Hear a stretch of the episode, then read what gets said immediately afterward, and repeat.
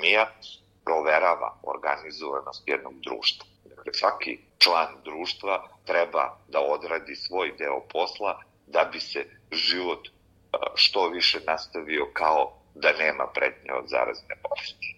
Nažalost, videli smo da na svetskom nivou trenutno stanovnici nisu spremni za epidemiju, odnosno da se ponašaju kako treba u epidemiji da bi smanjili posledice.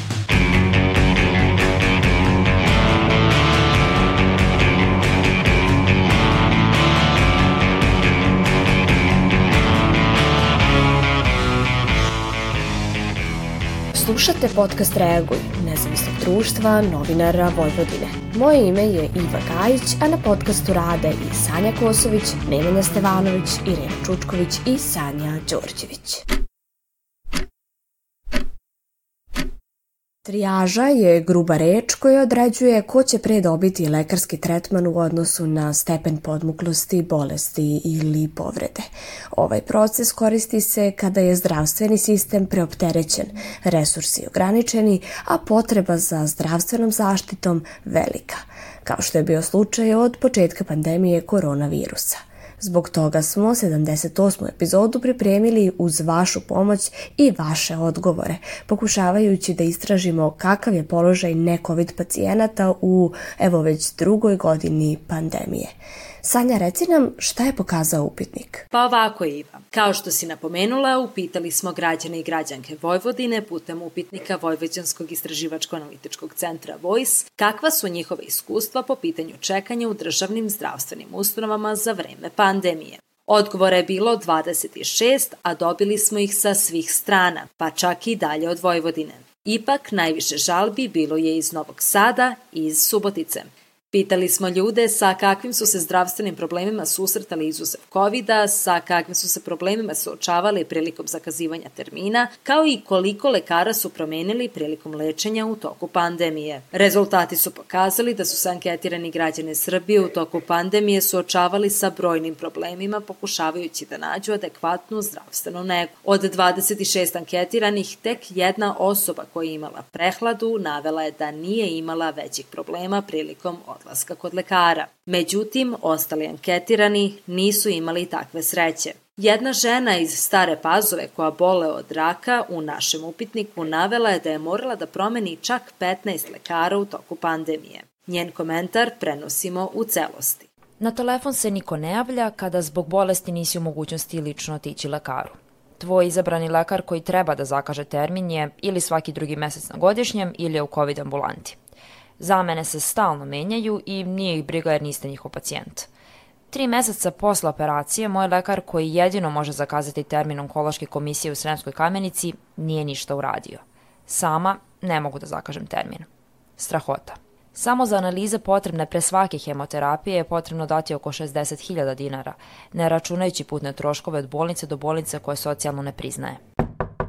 Naša sagovornica navodi da nije samovoljno menjala lekare, već da su je s obzirom na razvoj bolesti slali od jednog do drugog specijaliste. Svog izabranog lekara koji me leči preko 30 godina nisam menjala, ali od kako je počela pandemija nisam zadovoljna. Pacijenti kao na traci, a sve se svodi na ispitivanje birokratskih papira.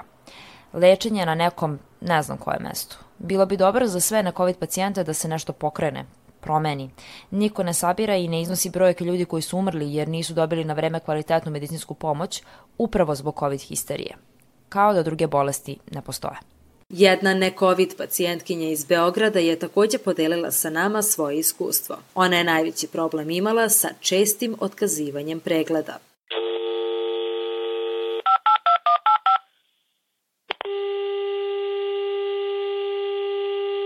Često nisam mogla nikog da dobijem telefonom. A ako i uspem da dobijem nekog, taj neko nema informacije ili kaže da mi potreban doktor, doktorka ne radi, da je u COVID bolnici i tako dalje.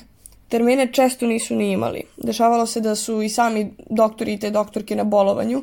Baš trenutno čeka više od mesec dana a, da se jedna doktorka vrati na posao. Prvi pregled nakon izlaska iz bolnice, usled preživljenog moždanog udara na leto 2020. još uvek nisam imala. Svaki put kad zakažem, bivalo je otkazano. Pregledi kod endokrinološkinje su takođe često otkazivani. Izreka glasi, ko čeka, taj i dočeka. Međutim, neki pacijenti ne dobiju priliku ni da odu na taj dugo očekivani pregled. Mesecima pokušavam da zakažem ginekološki pregled kod izabranog lekara, termina nema, doktorka je često na bolovanju, nemam informaciju kada otvara termine za taj mesec. Ranije je to bilo početkom meseca, ali već duže vreme nije tako. Kod gastroenterologa sam htela da zakažem prvi pregled, ali kad sam konačno dobila termin kod lekara opšte prakse, mi je rečeno da kod gastroenterologa imaju tek za dva meseca. Ipak, nije sve tako crno. Jedna anketirana žena iz Novog Sada kaže da jeste imala probleme sa otkazivanjima i čekanjem operacije, ali da je sam postupak bio veoma profesionalan. Postupak odlaganja moje operacije zbog pandemije u Betani je bio vrlo profesionalan stalan kontakt sa medicinskim osobljem, hirurgom, telefonom, mailom, u cilju brzog pribavljanja potrebne dokumentacije, laboratorijskih rezultata i sl. Čak i zakazivanje novog termina čim se oslobodi prostor. Operacija je odložena samo mesec dana. Nije bio hitan slučaj. Od 26 anketiranih, 25 osoba bilo je primorano da zdravlje stave na čekanje ili da izdvoje veće sume novca kako bi ih lečio privatnik. Jedna sagovornica iz Subotice napominje da je odustalo od državnih lekara. Više ni ne idem kod dečijeg pedijatra da bih zakazala detetu pregled na kliničkom centru Vojvodine jer je to nemoguća misija. Idemo sve privatno. Sanja, možeš li nam reći šta kažu brojke o zdravstvenom sistemu u Srbiji? Broj ljudi koji je na listi čekanja za posetu psihologu u toku ove godine porastao je za 30%. Ovo može biti dobar koliko i loš znak jer su ljudi ohrabreni da se obrate za pomoć. Baš o ovome, o mentalnom zdravlju u vreme pandemije pričali smo u 50. epizodi kada smo govorili o mentalnim tabuima i u 72. epizodi kada smo govorili o odnosu mladih prema mentalnom zdravlju. U proleće je u Nišu lista čekanja za kardiohirurške operacije porasla na 180 pacijenata, što je vreme za čekanje na zahvat produžilo na 6 do 8 meseci. Vandrednim naporom osoblja u julu čekanje je skraćeno na 3 do 4 meseca, navodi Juk Press. Na leto su neke bolnice izašle iz COVID sistema. Institut za ortopediju Banjica tri puta je ulazio u COVID sistem i zato se broj koji čeka za svoj tretman povećao. Sam broj pacijenata koji je čekao na ugradnju veštačkih zglobova bio je između između 9 i 12 hiljada. Početkom jeseni RTS je naveo da liste čekanja za određene terapije za onkološke pacijente gotovo i da nema. Razlog ovome su novi aparati i dobra organizacija. Tako, na primer, Centar za onkologiju Kliničkog centra Kragujevca imao je 170 pacijenata.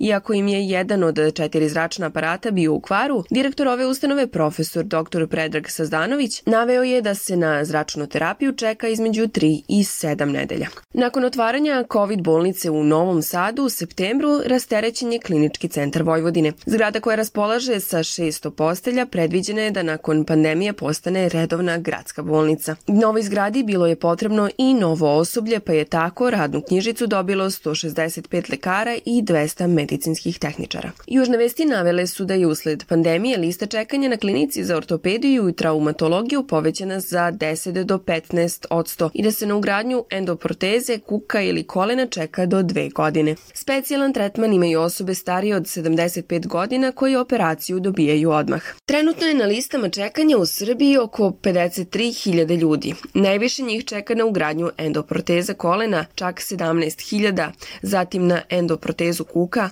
12.000 pacijenata. Oko 9.000 pacijenata čeka na operaciju katarakte sa ugradnjom intraokularnog sočiva. Hvala Sanja. Mada je žalbi u našem upitniku bilo mnogo, tek dve osobe su ostavile svoje podatke kako bismo ih mogli kontaktirati u svrhe kreiranja ove epizode. Ipak, samo jedna žena je pristala na razgovor. Iva, ti si razgovarala sa njom. Šta je ona rekla? Tako je, Sanja. Ivana Marinković jedna je od onih koji su želeli da podele svoje iskustvo popunjavajući upitnik na portalu Vojvođanskog istraživačko-analitičkog centra Voice. Kako objašnjava, nailazila je na brojne prepreke u lečenju svog deteta. Moje dete kad se rodilo pre dvije i po godine mlađe, ono je operisala atreziju jednjaka sa trahoezofagalnom fistulom, te sam početak tog problema. Znači, tadiš nije vladala korona i on je operisan. E sad, pošto se tu stvarno javljaju neke razne komplikacije, po oporavku, po hranjenju, ili to spojen veštački jednjak. Mi smo trebali, sam primetila da ne može ništa da jede, znači na 10 meseci on nije mogao ništa da jede sem blendane hrane u Nutribulitu i tu sam ja zvala hirurgiju da im kažem da se nešto dešava i da sam ja njemu dala viljuškom mlečnu bananu i detetu se to zaglavilo u jednjaku. Da smo mi završili kod nas u bolnici da se to uvadi njemu. I meni je tu rečeno tada bilo, znate, sada počela korona, sačekajte malo da se smiri, da te nek jede i dalje iz Nutribulita. Eto, bukvalno tim rečima. Što je meni bilo mislim onako van svake, pa to nije običan problem da ipak problem sa hranjenjem sa detetom, mislim. I mi smo tu nastavili da jedemo iz Nutribulita u maju mesecu 2020. se malo stišala ta situacija s covidom. Ja sam ih zvala i rekla sam im da oni dalje ne može ništa da jede, on ima godinu dana, da hoću da se uradi to snimanje što treba. Oni su mi jedva rekli da dođemo kad smo došli. Oni su snimili detetu taj jednjak i reči hirurga koji ga je operisao i glavne sestre s odeljenja. Znate, majka, nama dolaze mnogo gora deca ovde, vaše dete sasvim u redu. Njemu jeste malo sužena jednjak, vi ga učite da jede pa bit će bolje. I poslali su nas kod kući. Ipak, kako Marinković objašnjava, detetu nije bilo bolje, već su završavali u hitnoj više puta. Moje dete tri puta umeđu vremenu, znači od maja do septembra se davilo da smo opet završavali u bolnici, pošto ništa, bukvalno, znači žumance, gnječano sa Pavlakom nije mogao da jede. Oni su me svaki put vraćali kući, da bi u septembru meni već pukao film prošle godine i odvala sam dete i rekla sam neću ići odavde dok nešto ne uradite. I oni su tu dete snim, druga doktorka je bila tada, koja ga je snimila i rekla je, majka, gde ste vi do sad, vašem detetu je toliko tvrd ožiljak da ja ne znam da li ću išta uspeti njemu da uradim. Znači oni su bukvalno, jedan doktor mi priča da je treba ništa da se radi, drugi doktor me kritikuje gde sam bila sve ovo vreme. Ja sam samo rekla, vi pogledajte koliko sam puta zvale, koliko puta smo dolazili. Ja sam tražila, ja sa svoje dete hoću najbolje, naravno ne. Tu su nas oni primili, sledeći dan su trebali da odrade tu intervenciju širenja jednjaka, koju nisu naravno uspeli da urade, zato što oni ja to, ne mogu. I ja sam to bila jako zgrožena, mislim sva situacija s tim COVID-om i sa svim tim je doprinela da to što više odlaže i odlaže. Možda da je to urađeno tad u martu mesecu, možda da bi se to uspelo uraditi kako treba. Ali oni tu nisu uspeli ništa da urade, na kraju smo mi završili u Tiršovoj, tamo rade normalno. I kad smo završili u Tiršovoj, doktorka je od prvog puta uspela da krene da rešava taj naš problem, da kažem. Znači, definitivno nešto fali u neš, našem zdravstvenom sistemu ovde.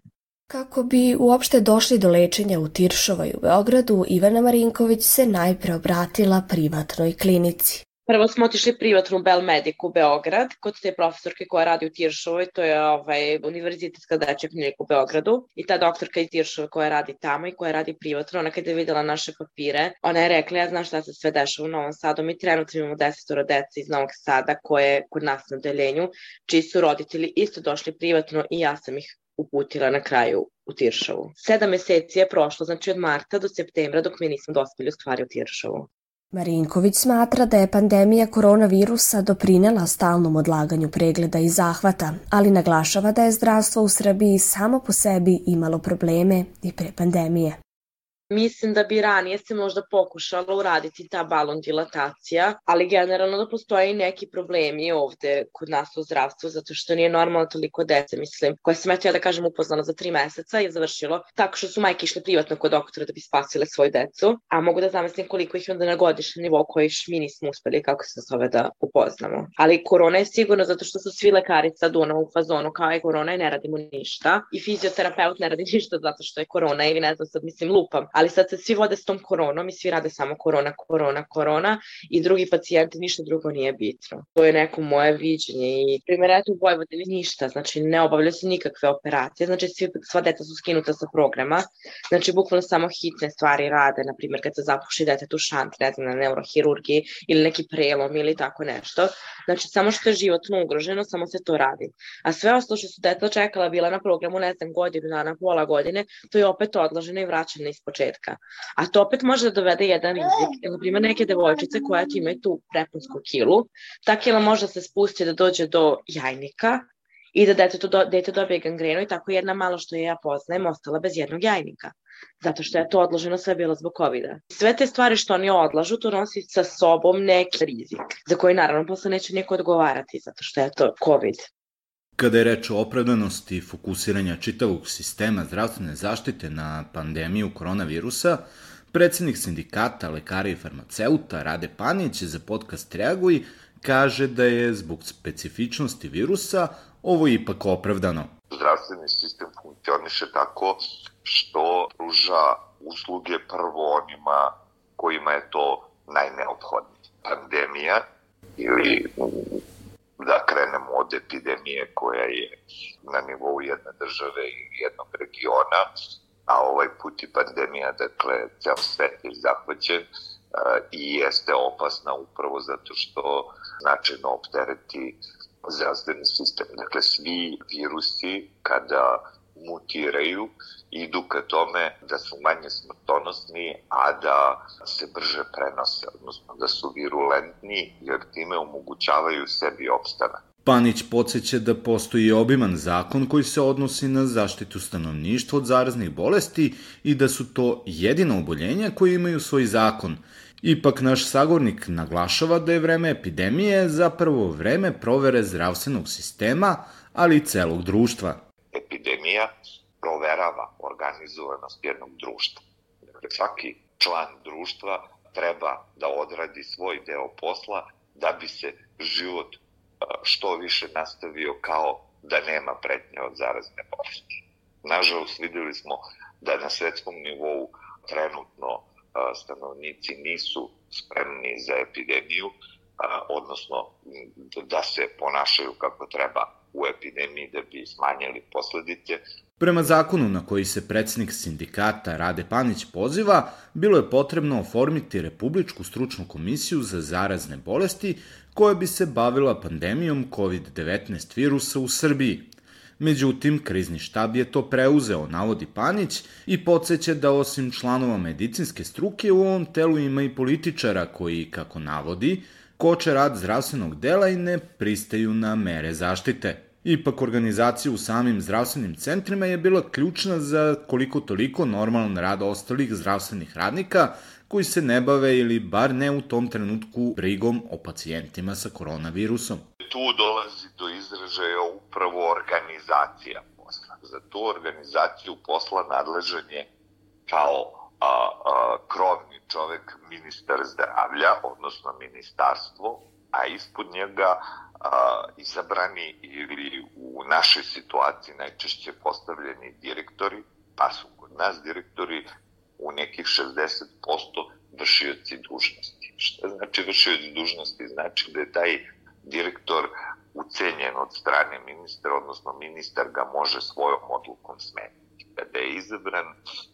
od upravnog odbora na regularnom konkursu, a ne postavljen od strane ministra kao vršilac dužnosti, onda direktora može smeniti samo taj upravni odbor u ustanovi i tu direktor dobija neku uslovno rečeno slobodu, odnosno dobija poziciju kako bi trebao da dobije da za organizaciju posla i upravljanje javnim dobrom on odgovara, ali da može preduzeti nešto sam. Ipak to je sve, navodi Panić, uzrokovalo da se zdravstvene ustanove same snalaze, a to dodatno komplikuje već komplikovanu situaciju. U ovom slučaju u Srbiji imamo situaciju gde su direktori, odnosno zdravstvene ustanove širom Srbije, puštene da se snalaze kako ko zna. Nažalost, na tim mestima se ne nalaze najkvalitetniji ljudi i zbog toga imamo veliki problem u samoj organizaciji zdravstvene zaštite. Do koje mere to ide?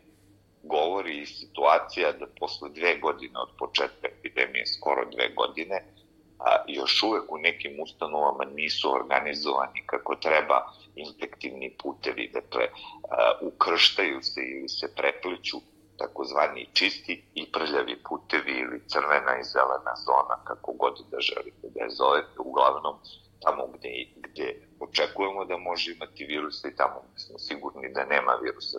To, to a, po osnovno pravilo epidemiologije infektivnih bolesti jeste da ta dva puta ne smeju da se a, a, ukrštaju. Predsednik sindikata lekara i farmaceuta za podcast Reaguj kaže da je loš odgovor sistema protiv ove zarazne bolesti doprineo da se mnogi medicinski radnici zaraze, neki i preminu zbog komplikacija, a da oni radnici i radnice koji rade budu podeljeni između redovnog posla i posla u COVID ambulantama i bolnicama, što automatski znači i prekovremeni rad. Iz svog iskustva anestezijologa u Kraljevu navodi da operacija ima, da se čeka najmanje što može, ali da ima zdravstvenih ustanova u Srbiji gde se čeka daleko duže. Sada smo u situaciji da radimo a, a, mnogo više nego što to dozvoljava zakon o radu, ali nema ko drugi, pa moramo. Na primer, u Kraljevu se radi još uvek i program za pacijente koji nisu COVID ili nisu hitni da se moraju tog dana operisati, takozvani hladni ili redovni program. Međutim, postoje mnoge ustanove širom Srbije u kojima se uopšte ne radi taj redovni hladni program.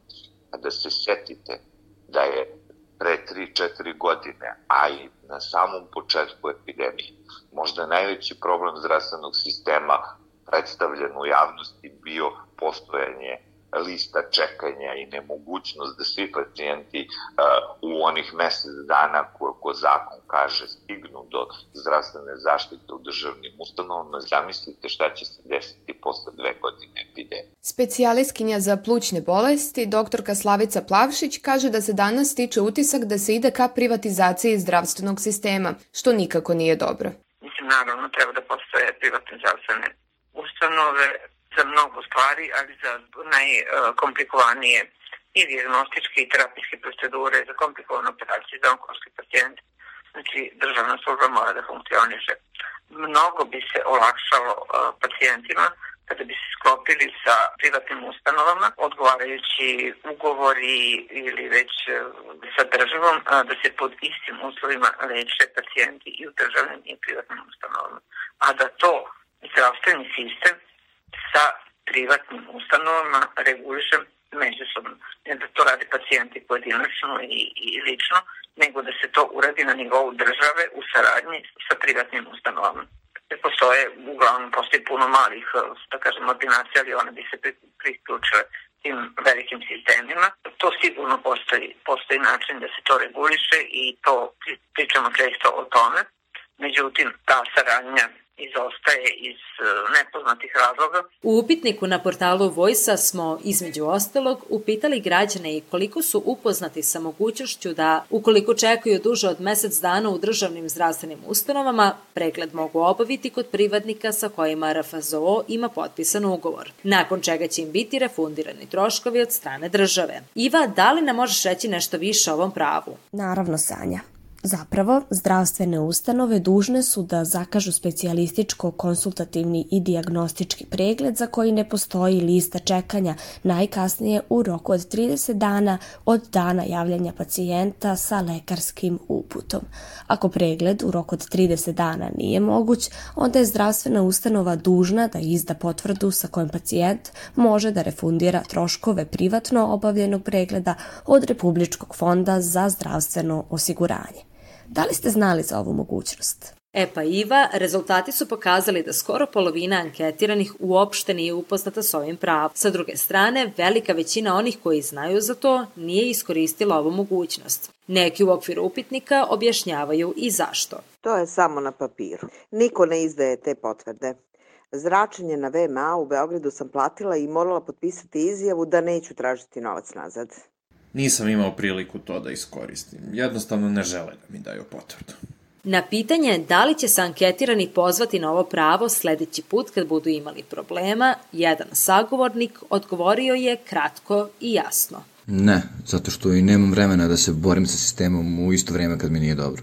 Ivana Marinković, koja nam je prenela svoje iskustvo, kaže da je upoznata sa ovim pravom. Ipak, kao ni ostali anketirani, ni ona to pravo do sada nije iskoristila. Ja sam posle svega ovo dobila problem sa štitom žlezdom i evo čekam već dva i po meseca da mi doktorka ovaj, ispiše uput za laboratoriju pošto da šest meseci ponovno laboratoriju, znam za to, samo što svaki put kad odeš kod njih, onda oni mi se popravi aparat ili isti dan dobiješ papir da možeš da ideš kod doktora. Znači, samo je potrebno da im kažeš jednu reč zaštitnih prava pacijenata, kad im to kažeš, istog momenta dobiješ sve što ti treba. Nisam koristila još, zato što eto nisam bila još kada kažem u takvoj nekoj situaciji da moram, ali sam prošle godine, čini mi se, zbog sebe to skoro koristila, pošto nisu imali hormone štitne neke u bolnici, kao da mi rade već 30 dana, 31. dan kad sam došla, odjednom su se pojavili. Bukvalno, da li odma ili sledeći dan dobiješ sve što ti je potrebno, što ti nisu dali prethodnih 30 dana. Ali šta je rešenje ovog problema? Naled je u svojoj sivoj knjizi zdravstva objavio preporuke za poboljšanje zdravstvenog sistema, a jedno od rešenja koje nude jeste i integracija privatnog i javnog zdravstvenog sistema. To znači da bi Republički zavod za zdravstveno osiguranje trebalo da sklopi ugovor sa privatnim klinikama, tako da pacijenti zdravstvenu zaštitu mogu da potraže i kod privatnika,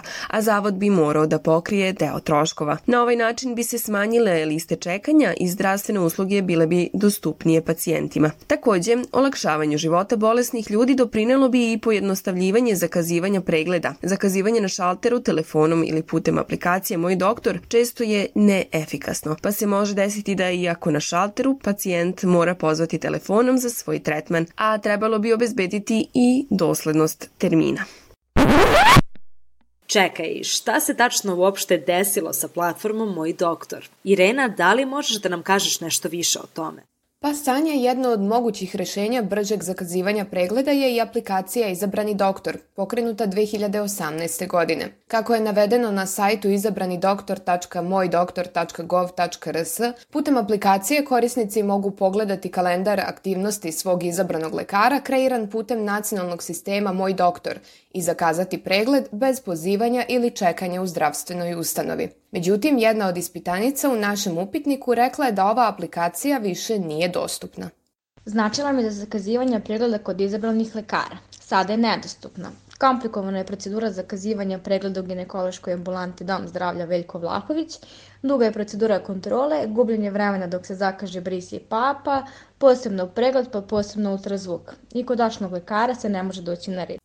Već na početku rada aplikacije korisnici su ukazivali na brojne nepravilnosti u njenom radu. Kako je 2018. godine preneo BBC na srpskom, mnogi korisnici žalili su se da aplikacija ne radi nakon ažuriranja, a oni koji su ipak uspeli da zakažu preglede i svoje iskustva podelili u komentarima na Google Play prodavnici, rekli su da u pojedinim domovima zdravlja nisu imali informaciju o tome. Istovremeno, pored funkcionalnosti aplikacije, problem je bilo i korišćenje ličnih podataka korisnika poput LBO broja, zbog čega je reagovao i tadašnji poverenik Rodoljub Šabić, donevši rešenje kojim je zabranio kompaniji Sourcix International da obrađuje podatke o ličnosti građana zbog bojazni od zloupotrebe, navodi BBC na srpskom. Ministarstvo zdravlja izdalo je saopštenje u kome stoji da aplikacija ne čuva podatke, kao i da se podaci preuzimaju iz standardnog API-a koji koristi više od 35 kompanija u Srbiji u svojim zdravstvenim informativnim sistemima. Inače, API je skup jasno definisanih metoda za komunikaciju između različitih softverskih komponenti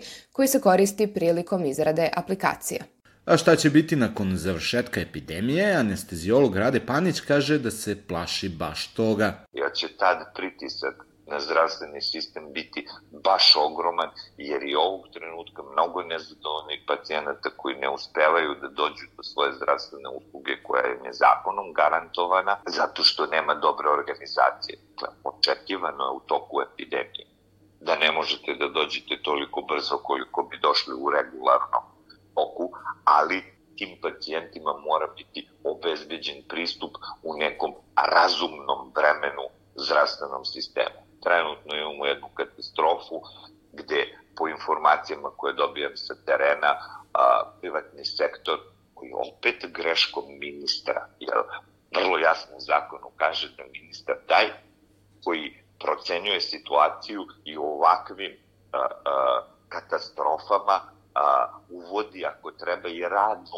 obavezu privatnim ustanovama, ali svakako ih uključuje u sistem. Ipak, Panić za naš podcast navodi da građani koliko god opravdano bili ljuti jer ne mogu da dođu na red za redovne kontrole ili bilo koju zdravstvenu pomoć na vreme, krivce ne treba da traže u samim lekarima kod kojih idu, jer je problem u čitavom sistemu.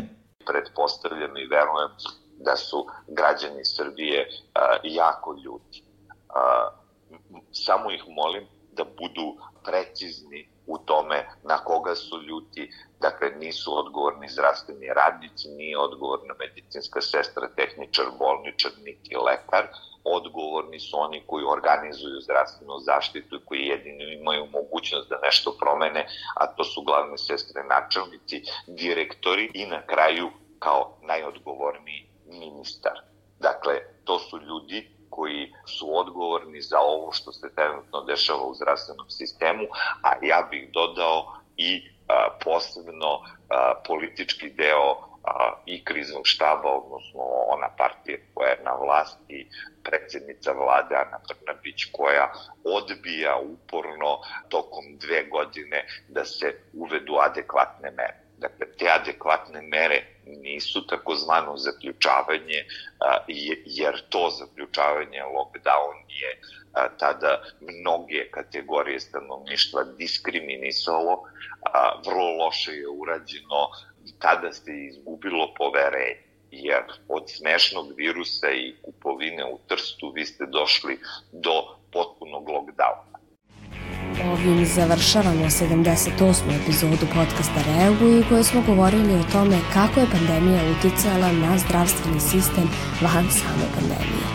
Ukoliko ste vi imali slične iskustva poput naših sagovornika, pišite nam u Facebook grupi Podcast Reaguj ili na mail podcast.mdnv.org. Upravo ova epizoda ne bi bila realizovana da nije bilo vas i vaših odgovora. Pratite Vojvođanski istraživačko-analitički centar za buduće upitnike, a mi ćemo se pobrinuti da vaši odgovori ne budu zapostavljeni. Slušamo se ponovo uskoro, a do tada ne zaboravite da čekamo na vas, vaše komentare, iskustva i predloge tema koje možete slati i na Twitteru i Instagramu gde se nalazimo pod imenom NDNV Media Hub ili na TikToku gde smo pod imenom Reaguj Podcast. Naš rad možete pratiti na kanalima na iTunesu, Stitcheru, Castboxu, Sounderu, Spotifyu, Google podcastima, Deezeru, kao i na sajtu podcast.rs. Ukoliko želite da nas podržite, uradite to baš šerovanjem, komentarom, deljenjem svoje priče ili preko sajta donations.nednv.com.